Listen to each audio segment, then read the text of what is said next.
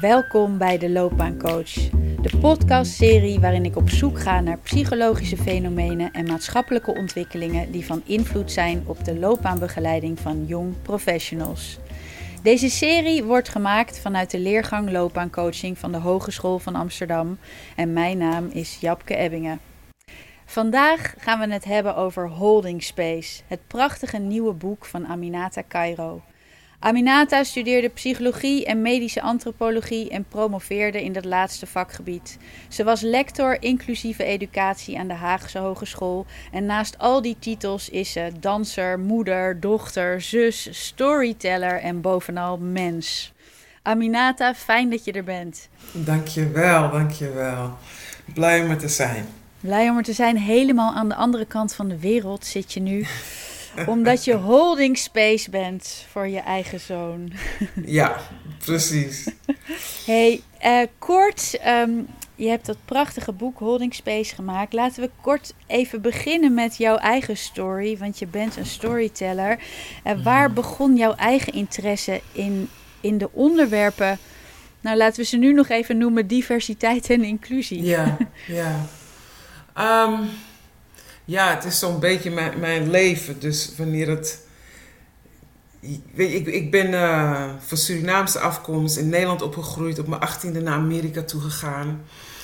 Um, dus je bent altijd een buitenstaander in Nederland, zowel als Amerika. En tegelijkertijd ben je toch zoekende.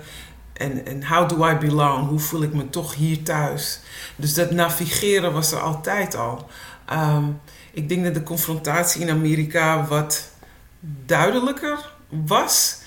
Uh, en, maar dat me ook weer hielp om anders te kijken naar mijn ervaring in, in Nederland. Om dat een plek te geven. En, en op mijn dertigste ben ik uh, voor twee jaar naar eh, Suriname toe gegaan. Voor mijn uh, proefschriftonderzoek. En, en dat was een beetje full circle. Weet je, dus je hebt Nederland, Amerika, Suriname. En, en, en in Suriname kwam echt alles bij elkaar. Want je, bent, ja, je roots zijn toch in Suriname. Je groeit altijd op met dat je iets mist, weet je.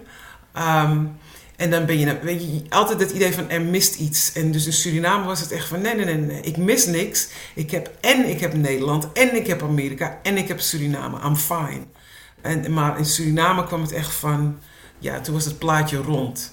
Ehm, en toen werd het ineens een meer. Wauw, van een gemis naar volledig en, en, en. Ja, uh, waar je over kon beschikken. En waarin dacht je, nou daar ga ik ook mijn professionele leven aan wijden?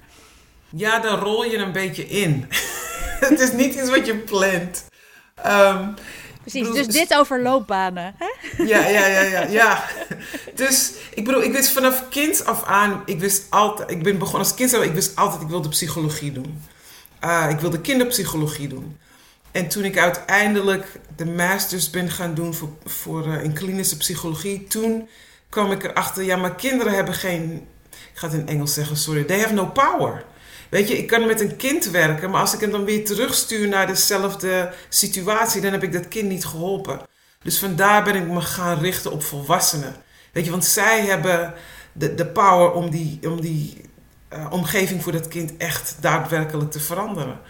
Um, dus ik kijk altijd naar alles vanuit die lens van geestelijk welzijn. Weet je, hoe gaan we met elkaar om en wat doet dat met ons geestelijk welzijn? Dus die stap dan naar diversiteit, inclusiviteit. Want voor mij heeft het veel te maken met hoe we uit balans zijn met elkaar, weet je, tot elkaar. Dus voor mij was dat dan een, een logische stap daar naartoe. Ja, en dus vanuit dat individu je kan wel aan dat individu werken, maar als je niet dat hele systeem eromheen aanspreekt, dan heeft het eigenlijk geen zin. Of dan ben je eigenlijk verloren. Juist. Ja, jouw boek Holding Space, daar maak je mhm. eigenlijk een soort verschuiving van die diversiteit en inclusie naar die holding space.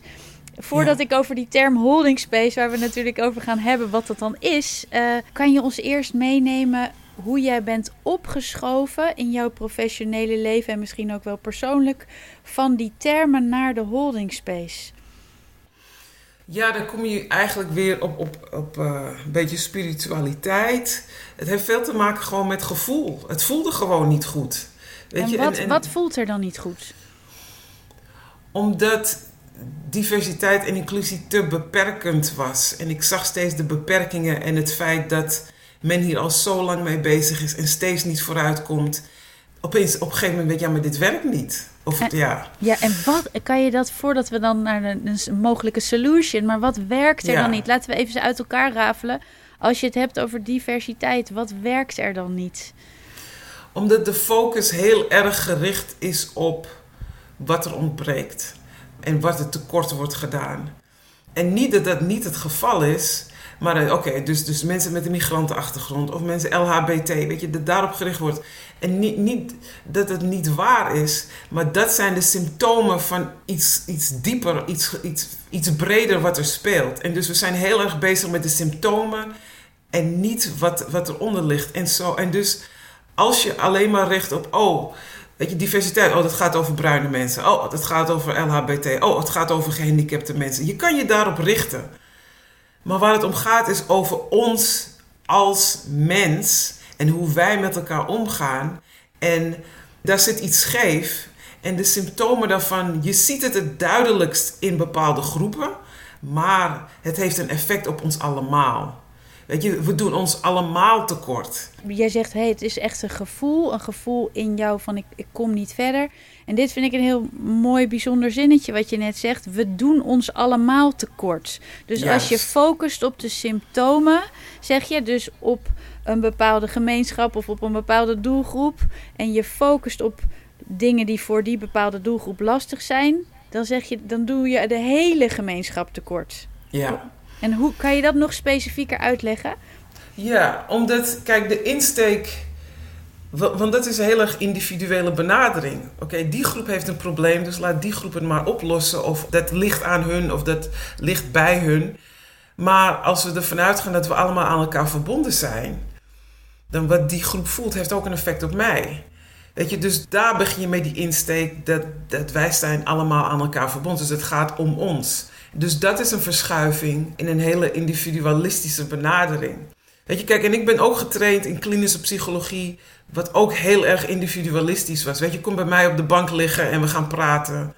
Uh, en op een gegeven moment zag ik ook van ja, is leuk en aardig, maar nogmaals, weet je, er is, er is een grote ding dat hier speelt. Ik, als ik met die ene persoon werk en ik stuur ze weer terug naar diezelfde situatie of diezelfde omgeving, dus ja, dus dat, dat basisconcept, je beginpunt is, we zijn allemaal aan elkaar verbonden. Ook al denk je van niet, uh, maar dat vergt ook een bepaalde verantwoordelijkheid, aansprakelijkheid, betrokkenheid. En dan ga je anders naar dingen kijken. Uh, en je anders inzetten, hopelijk, als, als mensen dat begrijpen. En wat je hiermee zegt is eigenlijk een soort van basisaanname. We zijn allemaal met elkaar verbonden, whether you like it or not. Ja, Dus ook of je sommige, misschien eh, sommige mensen waar je je niet mee wil vereenzelvigen, of je niet in kunt herkennen, of denkt te kunnen herkennen, ook daar ben je mee verbonden. Is dit ook precies wat je zegt wel vaker? Uh, in Nederland vinden we het lastig om over uh, discriminatie te praten. Uh, raakt dit hier aan? Oh ja, om, omdat. Um, ja, ik bedoel, Nederland heeft zijn eigen geschiedenis. Um, maar ik, ik, laat me dat niet zeggen, want, want ik denk. Weet je, discriminatie is gewoon. Ja, is niet leuk. um, maar ook het. Men is bang van, oh god, maar dan denkt men slecht over mij. Weet je, of dan ligt het aan mij. Um, en het is nog steeds een hele erg individualistische benadering. Uh, en je moet je kwetsbaar opstellen in plaats van, weet je, dit zegt iets over ons. En over hoe wij met elkaar omgaan. En, en hoe komt het dat wij dit hebben toegestaan, weet je? Ja. Ehm, en dan hou je ook daar de verantwoordelijkheid, haal je daar eraf. Hey, En als ik dan nu even het andere woordje, dus we zijn allemaal verbonden. En het overkomt dus ons allemaal in plaats te focussen op één bepaalde groep die iets lijkt te overkomen. Wat dan het woordje inclusie? Uh, is, is daar ook nog iets mee? Of, uh... ja, ik bedoel, weet je, en er zijn mensen die heel erg technisch uh, naar inclusie kijken. Dat zelf, weet je, ik bedoel, woorden zijn belangrijk, maar je kan inclusie ook zien nog steeds dat het komt vanuit het dominante perspectief en we moeten die anderen ook toelaten. Weet je, dat is ook inclusie. In plaats dat we allemaal gelijkwaardig zijn. Ehm, dus vandaar dat ik zeg: oké, forget the whole inclusion. en laten we het gewoon hebben over ons en hoe wij met elkaar omgaan of hoe wij in relatie staan tot elkaar. Uh, in een bepaalde context, in een bepaalde situatie. Dat je steeds daarvan uitgaat. En kijk, en ik wil, en, en nogmaals, ik wil duidelijk zijn: het is niet dat het niet waar is dat bepaalde groepen meer lijden, of, weet je, of meer zichtbaar zijn als het gaat om ongelijkheid. Dat is sowieso waar. Maar het is wel een symptoom van een, van een dieper ding. Ehm, weet je, en daarom, ik, ik zeg persoonlijk ook, ik doe geen antiracisme werk. er zijn mensen die het doen. All the power to them. Maar waar ik aan werk is aan onze menselijkheid. Als ik mijn werk goed doe, weet je, dan zijn we antiracistisch, dan zijn we anti-homofoob, dan zijn we anti, weet je. Maar waar ik me op richt is, is onze menselijkheid. En hoe gaan we met elkaar om als mens en wat moeten we daaraan bijschaven? Mooi. Eigenlijk praat jij veel liever over uh, er is een dominant verhaal en er is altijd die andere. Kan je daar iets over uitleggen? Wat bedoel je daar precies mee? Ja. Ja, dus ik gebruik de term dominant en de andere. Dus het idee is dat uit de, de rijkheid en verscheidenheid aan verhalen is er een verhaal naar boven gehaald en, en wordt dan, heeft dan de positie van dominant gekregen. En dus, en dus het andere verhaal, anders betekent dan automatisch minder. En, en dat is het probleem. Dus als je kijkt naar de term diversiteit, diversiteit op zich betekent er is een rijkheid aan verhalen, punt. Maar als wij het hebben over diversiteit, dan hebben we het erover dat, ja, er is een rijkheid aan verhalen, maar er is wel één verhaal of dat verhaal dat op dat moment dominant is. En, vaak denken mensen dan meteen oké aan witheid en, en. Ja, dat is één van de situaties. Maar er zijn andere situaties als we het hebben over dominant en de andere. Soms is het rijk versus arm. Soms is het stad versus platteland. Soms is het jong versus oud of oud versus jong. Soms, weet je, soms is het ik werk op de vierde verdieping en jij werkt in de kelder. Ehm, weet je, ja, ik, ik, ik heb meegemaakt. Oh nee, die mensen werken op de derde verdieping en dan mag, mag je geen hallo tegen zeggen. Ik heb het meegemaakt. Ik zoek naar de Nederlandse woorden. Oh, um, just do it in English. okay. At, at any given time, are we ourselves in that dominant position? And at any given time, have we been in the position of the other? You know, so even white males, they're not always in the dominant. Ik, ik heb meegemaakt dat ik op een afdeling werkte en er waren vier vrouwen en één man. En echt wel dat hij de ander was. Weet je, hoe hij behandeld werd. Weet je, dus... En, ja, en, dus, dus we zijn allemaal op een bepaald moment zitten we misschien wel in de dominante positie. Of op een bepaald moment zitten we in the other positie. Of in de positie van de andere, die dus de minderheid heeft. Dus eigenlijk kennen we ook allemaal wel die verschillende rollen en posities, zou je kunnen zeggen. Ja, dus, dus dat inleven, weet je, dat kan. Weet je, vaak hoor ik mensen zeggen, ja, nou, ik weet niet hoe het is, dus nee, nee, nee, nee, nee. Dus je moet wat moeite doen om in te leven. Dat kan. Als het gaat bijvoorbeeld, als, als we het hebben over fysieke handicap. Dat heb ik niet. Maar door te luisteren, door een connectie te maken met iemands verhaal, dan kan ik me inleveren. Dan verandert mijn verhaal ook. Ik schrijf in het boek ook over uh, weet je, een student en die was in een rolstoel. En, en des te meer en meer ik een relatie kreeg met haar. Ik kijk nu heel anders naar mijn omgeving. Elk gebouw dat ik binnenloop, kijk ik hoe toegankelijk is het voor gehandicapte mensen. Automatisch, omdat mijn verhaal nu aan haar verbonden is. Weet je? Van, oh, leuk zo'n automatisch deur, maar die deur werkt niet. Hoe dan? Weet je? En, en, en ik merk dat nu. Nu is het vanzelfsprekend, maar ook omdat ik eerst fouten heb gemaakt. En door met haar om te gaan en door naar haar te luisteren en door met haar te zijn en te zien van, oh maar, maar god. Weet je, want je denkt helemaal Nederland. Nederland heeft dingen goed geregeld. Nou, je, je staat er versteld van wat mensen mee moeten maken gewoon om een gebouw binnen te komen. Ik heb zelf geen fysieke handicap, maar doordat mijn verhaal nu aan haar verbonden is, zit ik er anders in. Ja. En, en dus, dus dat vergt ja, wat moeite. Dus je moet zitten, je moet connecties maken, je moet uh, niet altijd jouw verhaal voorop stellen. En, en dus ik wil ook duidelijk zeggen, weet je, weet je, dus de dominant en de ander, daarom zeg ik, we zitten allemaal wel een keer in die positie. En, en dat is power, dat is privilege, als jij je geen zorgen hoeft te maken. Maar hoe ga je daarmee om? Weet je, als je bewust bent, wat voor keuzes maak je? Hoe ga je daarmee om? Om mee te werken aan het feit dat laten we al die verhalen als waardig beschouwen, als waardig behandelen. En ben je je bewust in welk verhaal jij je beweegt? En uh, kan je daarmee nieuwsgierig zijn naar het verhaal van die ander uh, daarin? En dat het ook geen statisch gegeven is. Want in een andere context uh, zit jij weer in een andere positie. Precies dat. Ja. Weet je? Ja. prachtig. hey, wat is holding space. Want ik vind het een prachtige term. Maar in e-, eerste plaats, ik zou niet weten hoe ik het moet vertalen in het Nederlands. Ja, ik ook nog niet. ik ben ook nog zoekende. Heb je iets wat dicht in de buurt komt of nog niet? Nog niet. Dus uh, als mensen suggesties hebben, ik sta ervoor open. Uh, ja. want de ruimte houden voor. Uh, nee, niet. Nee, ja, het is, nee, het is net niet. Nee. nee. Dus ik ben nog zoekende. Nee, ik waag me er ook niet aan. Ik waag me niet aan een probeersel. maar uh, dit, dit is dan de oproep aan de luisteraar. Heb je er een goede term voor? Ik, ik zou nog het dichtst in de buurt komen met een soort van. Ja, het is een soort van combinatie van zijn, luisteren.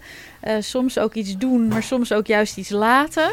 Uh, maar ik vraag het liever aan jou. Wat, wat, zit, wat behelst voor jou de term holding space? Wat is het? Ja, wat is het?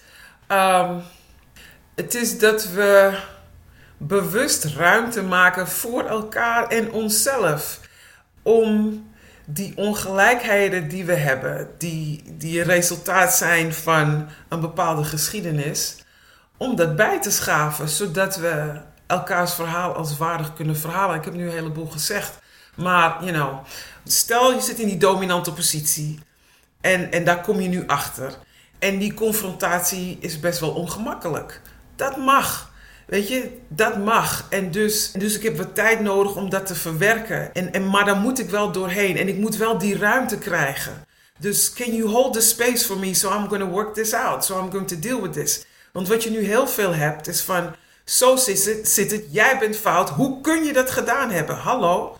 Weet je, ik doe het om mensen de ruimte te geven om door dat proces heen te gaan. En dus, dus we moeten wat geduld hebben. Uh, en ik weet dat daar mensen ook al snel boos over worden van ja, want ik, ik wacht al zo lang. Um, en dan nog, je moet mensen de ruimte geven om te zeggen: hé, hey, ik ben er, ik, ik wist het niet, maar nu ik, ik wil meer weten, oké.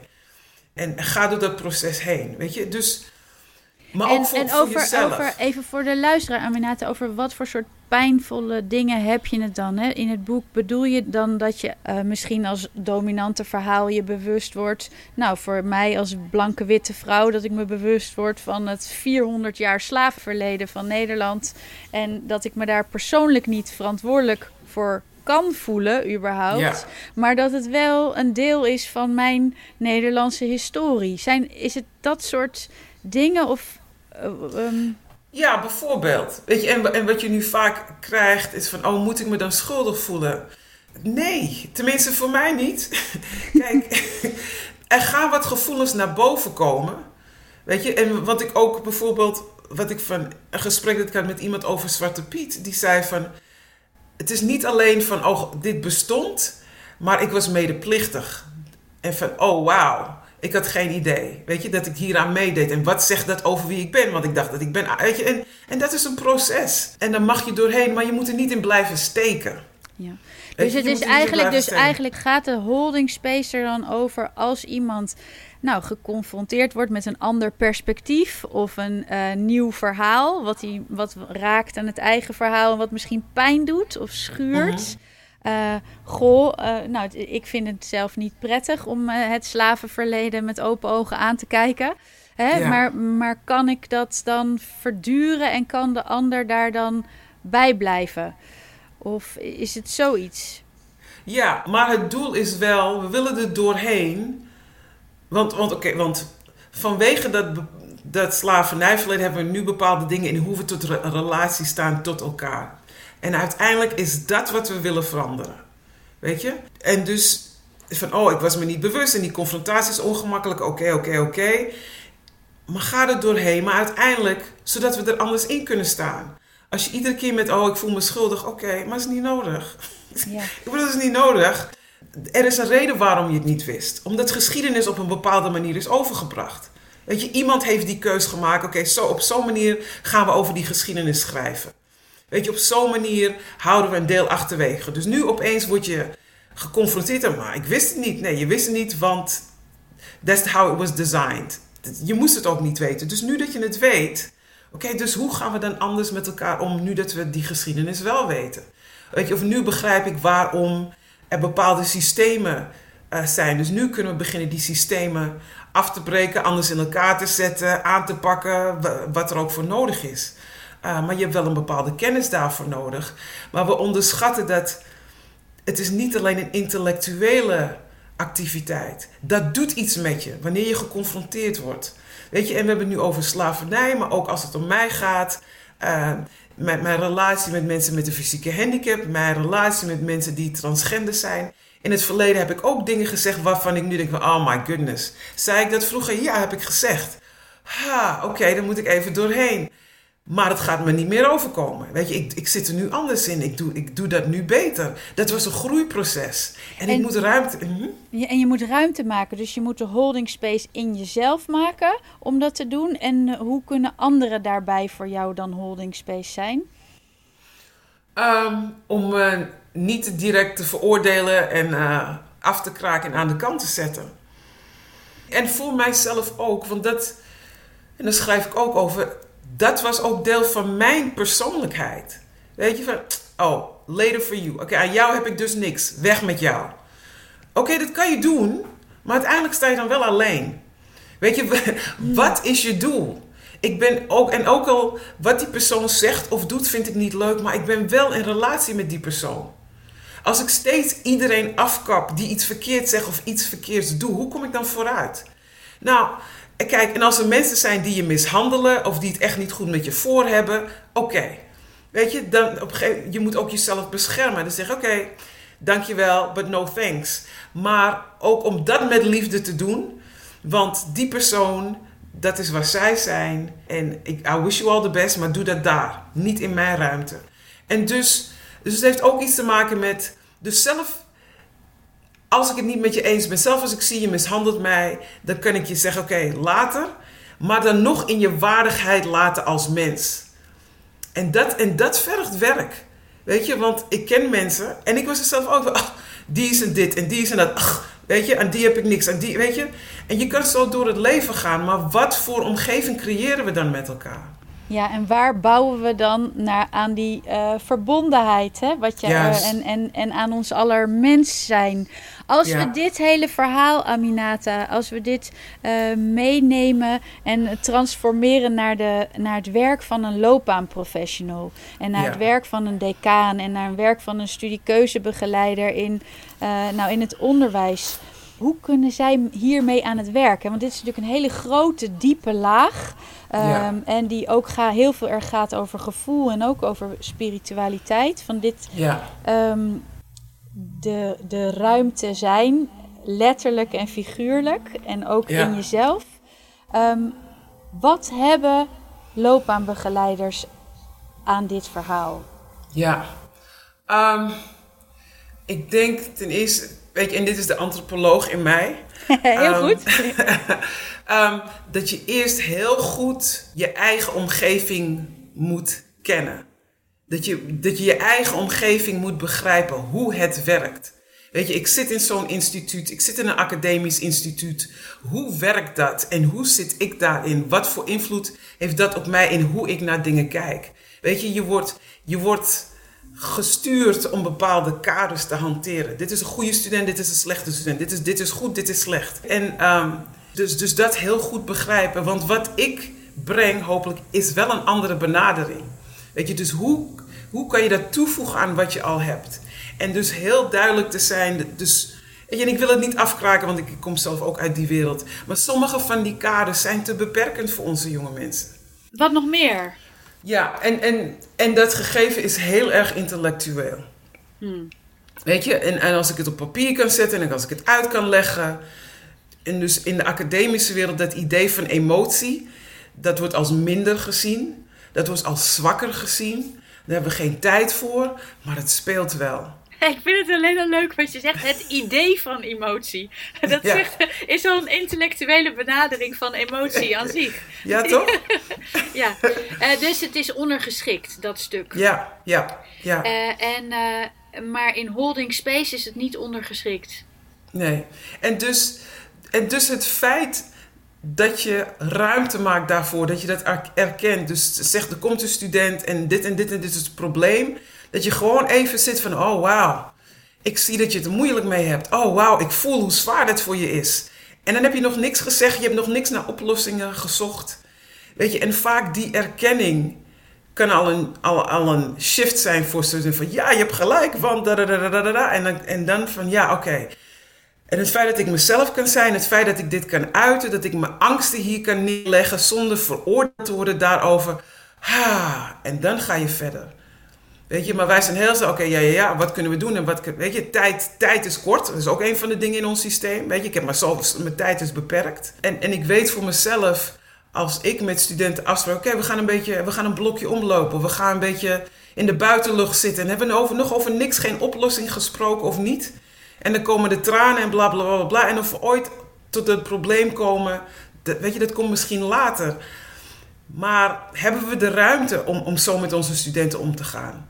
Maar die student komt wel terug, of die student heeft wel van ja, oké, ik voel me nu op een. Weet je, nu kan ik dit wel zelf uitzoeken. En het hoeft niet altijd. Weet je, het hoeft niet altijd. Soms is het van oké, ik moet dit en dit dit weten. Maar vaak speelt er meer. En, en vaak in ons systeem is daar geen ruimte voor. Dus holding space vraagt ook ruimte in de fysieke tijd, gewoon letterlijk in je agenda. Maar ook de ruimte die je in jezelf hebt, zo hoor ik je zeggen, om gewoon even met die student te zitten en te erkennen wat de pijn, het verdriet, de zorg aan de andere kant is, nog zonder het te willen oplossen. Ja. Kijk, en, ja. ja. want ik denk we zijn heel erg. En, en, en, en, het, en ik wil niet zeggen dat het niet moeten. We zijn heel erg oplossingsgericht. Dit is het probleem. Wat gaan we doen om daar te komen? Neem die en die en die stappen. En dan vaak lukt het niet. En waarom lukt dat dan niet? Weet je? Ehm, en dus, ja, en, en, en om daar dus ook ruimte voor te maken. En, en ik heb het ook over, over het niet weten. Het is oké om het even niet te weten. En, en zit er even bij. En, laat, en, en dat we gewoon even zitten, maar Weet je, omdat we zo, oh god, oh jee, als ik het niet weet, dan betekent dat bla bla bla bla bla. Zowel voor de student als voor ons als professional.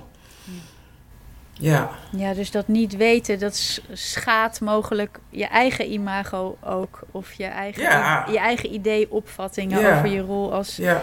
uh, als loopbaanbegeleider. Uh, Weet je, en, en we zijn nu, alles moet zo efficiënt mogelijk en we hebben allerlei computerprogramma's zodat je kan weten wat de stap. Weet je, maar mogen we experimenteren? Mogen we fouten maken? Mogen we, weet je, exploreren? Hoe noem je het? Zeg je dit in Nederland? Explore? Zeg je het? Exploreren? Ja, exploreren. Ja. Oké, goed zo. Prachtig. Is dit, Aminata, ik, terwijl ik naar je luister, zit ik te denken, uh, welk dominant verhaal uh, heerst er dan over de rol van loopbaanbegeleider of uh, decaan of studiekeuzebegeleider. Is dat hier ook een soort van, kan je dit, het principe van het dominante verhaal en de ander hier ook op, op toepassen? Of zo? Ja, ik, als je naar me kijkt naar wie wordt er beland, zij die het meest efficiënt zijn. Ik denk, weet je, efficiëntie. Als je kijkt naar ons, ons, ons beloningssysteem, ehm, dat is ook hoe het werkt met de dominant en de andere. Je wil zij die het meest worden gewaardeerd, werken op een bepaalde manier, hebben een bepaalde uitkomst, hebben een bepaald resultaat. Weet je? En ehm, ja, en ik denk dat daar ook onderscheid in wordt gemaakt. Durf je daarin ook het andere te doen? Nou, en ik vroeg me ook af, ik zat in het licht uh, uh, van loopbaanbegeleidingen, uh, hoe je kunt aansluiten dan op het verhaal van de ander. Ehm, wat jij eigenlijk zegt is ook dus heel erg buiten je misschien je scope van de professie gaan, buiten het schoolsysteem gaan nog. In je... Ja, misschien niet buiten, maar hopelijk uitbreiden. ja. Weet je? Want, want, ik wil, want ik wil het niet aan de kant zetten dat het fout is, maar het is te beperkend. Het is incompleet. Het is incompleet. In jouw lectoraat, uh, waar jij ehm, aan de Haagse Hogeschool heb jij gewerkt aan een Inclusive Pathway programma. Ja. Ehm, en uh, een aantal elementen herkende ik ook daarvan in je boek. Hè? Er zijn aan het eind elementen die je zegt, als je wil bouwen aan die holding space, dan zijn er prachtige woorden als uh, safe enough to be brave, care, courage, humility, listening and connecting. Nou, dit zijn even wat hoofdstukken. Welke, dan moeten jullie het boek gaan lezen, mensen. Dus dat is natuurlijk één. Of je gaat de podcast luisteren met Aminata, waar ze al die termen gaat uh, door, Nou ja, door vrocht gaat bespiegelen, nog met andere mensen die daar ook mee bezig zijn. Uh, maar voor deze podcast, welke dingen zou je um, als loopbaanbegeleider mee kunnen beginnen als je je, ja, als je je eigen holding space voor jezelf en de ander wil uitbreiden? Hmm. Nou ja, uh, ja, veiligheid sowieso. En ook, en ik benadruk ook, je kunt nooit iets 100% veilig maken voor iemand. Hmm. Weet je, je kan je best doen en, en zeggen: Oké, hier ben je veilig, maar dan nog, you know, it takes a leap of faith. En dat ligt bij de persoon. Dus, dus um, maar je kan bewust wat doen om, om die ruimte op een bepaalde manier te creëren. Um, en dan nog, wil niet zeggen, ik kan nog fouten maken en dingen zeggen die je pijn doen. Maar veilig in die zin van weet dat ik het goed met je voor heb.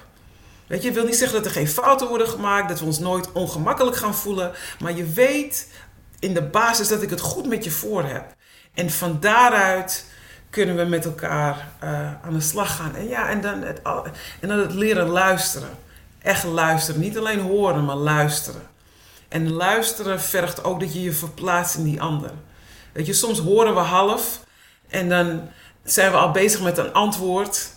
En, en, maar luisteren vergt iets meer. Het vergt, en waar komt die persoon vandaan? Want vaak, en vooral in de academische wereld, we zijn zo gericht op wat mensen zeggen en de woorden, hoe het eruit komt. Maar vaak vergeten we het gevoel dat erachter zit. Dus vaak komen dingen er heel anders uit. Dus ik ben misschien bang, maar dat komt eruit als boosheid. Weet je, of ik ben gefrustreerd. Of ik ben onzeker, maar dat komt eruit als boosheid. En omdat ik me richt op die woorden van, oh ja, je bent boos. Die persoon is helemaal niet boos. Die persoon is misschien bang of onzeker. Dus, dus echt de tijd nemen om te luisteren. Wat zegt die persoon echt? Waar komt dat vandaan? Um, maar omdat we zo getraind zijn, om, weet je, de woorden zijn zo belangrijk. Maar we communiceren veel meer dan met alleen woorden. Weet je, en, en dat is ook weer die embodiment. Weet je, om, om, hoe voelt het? Hoe voelt het om hier aanwezig te zijn? Die persoon zegt dit, maar de lichaamstaal zegt me iets heel anders. Dus wat is er gaande hier? Oh, dus nu heb ik al drie dingen genoemd. Ja, je hebt drie prachtige dingen genoemd. Veiligheid, luisteren en embodiment. Is die embodiment uh, ook waarom jij graag werkt met veel andere disciplines zoals uh, dans en zang en theater? Ja, om dingen los te gooien uh, omdat je op die manier ook andere dingen raakt binnen jezelf.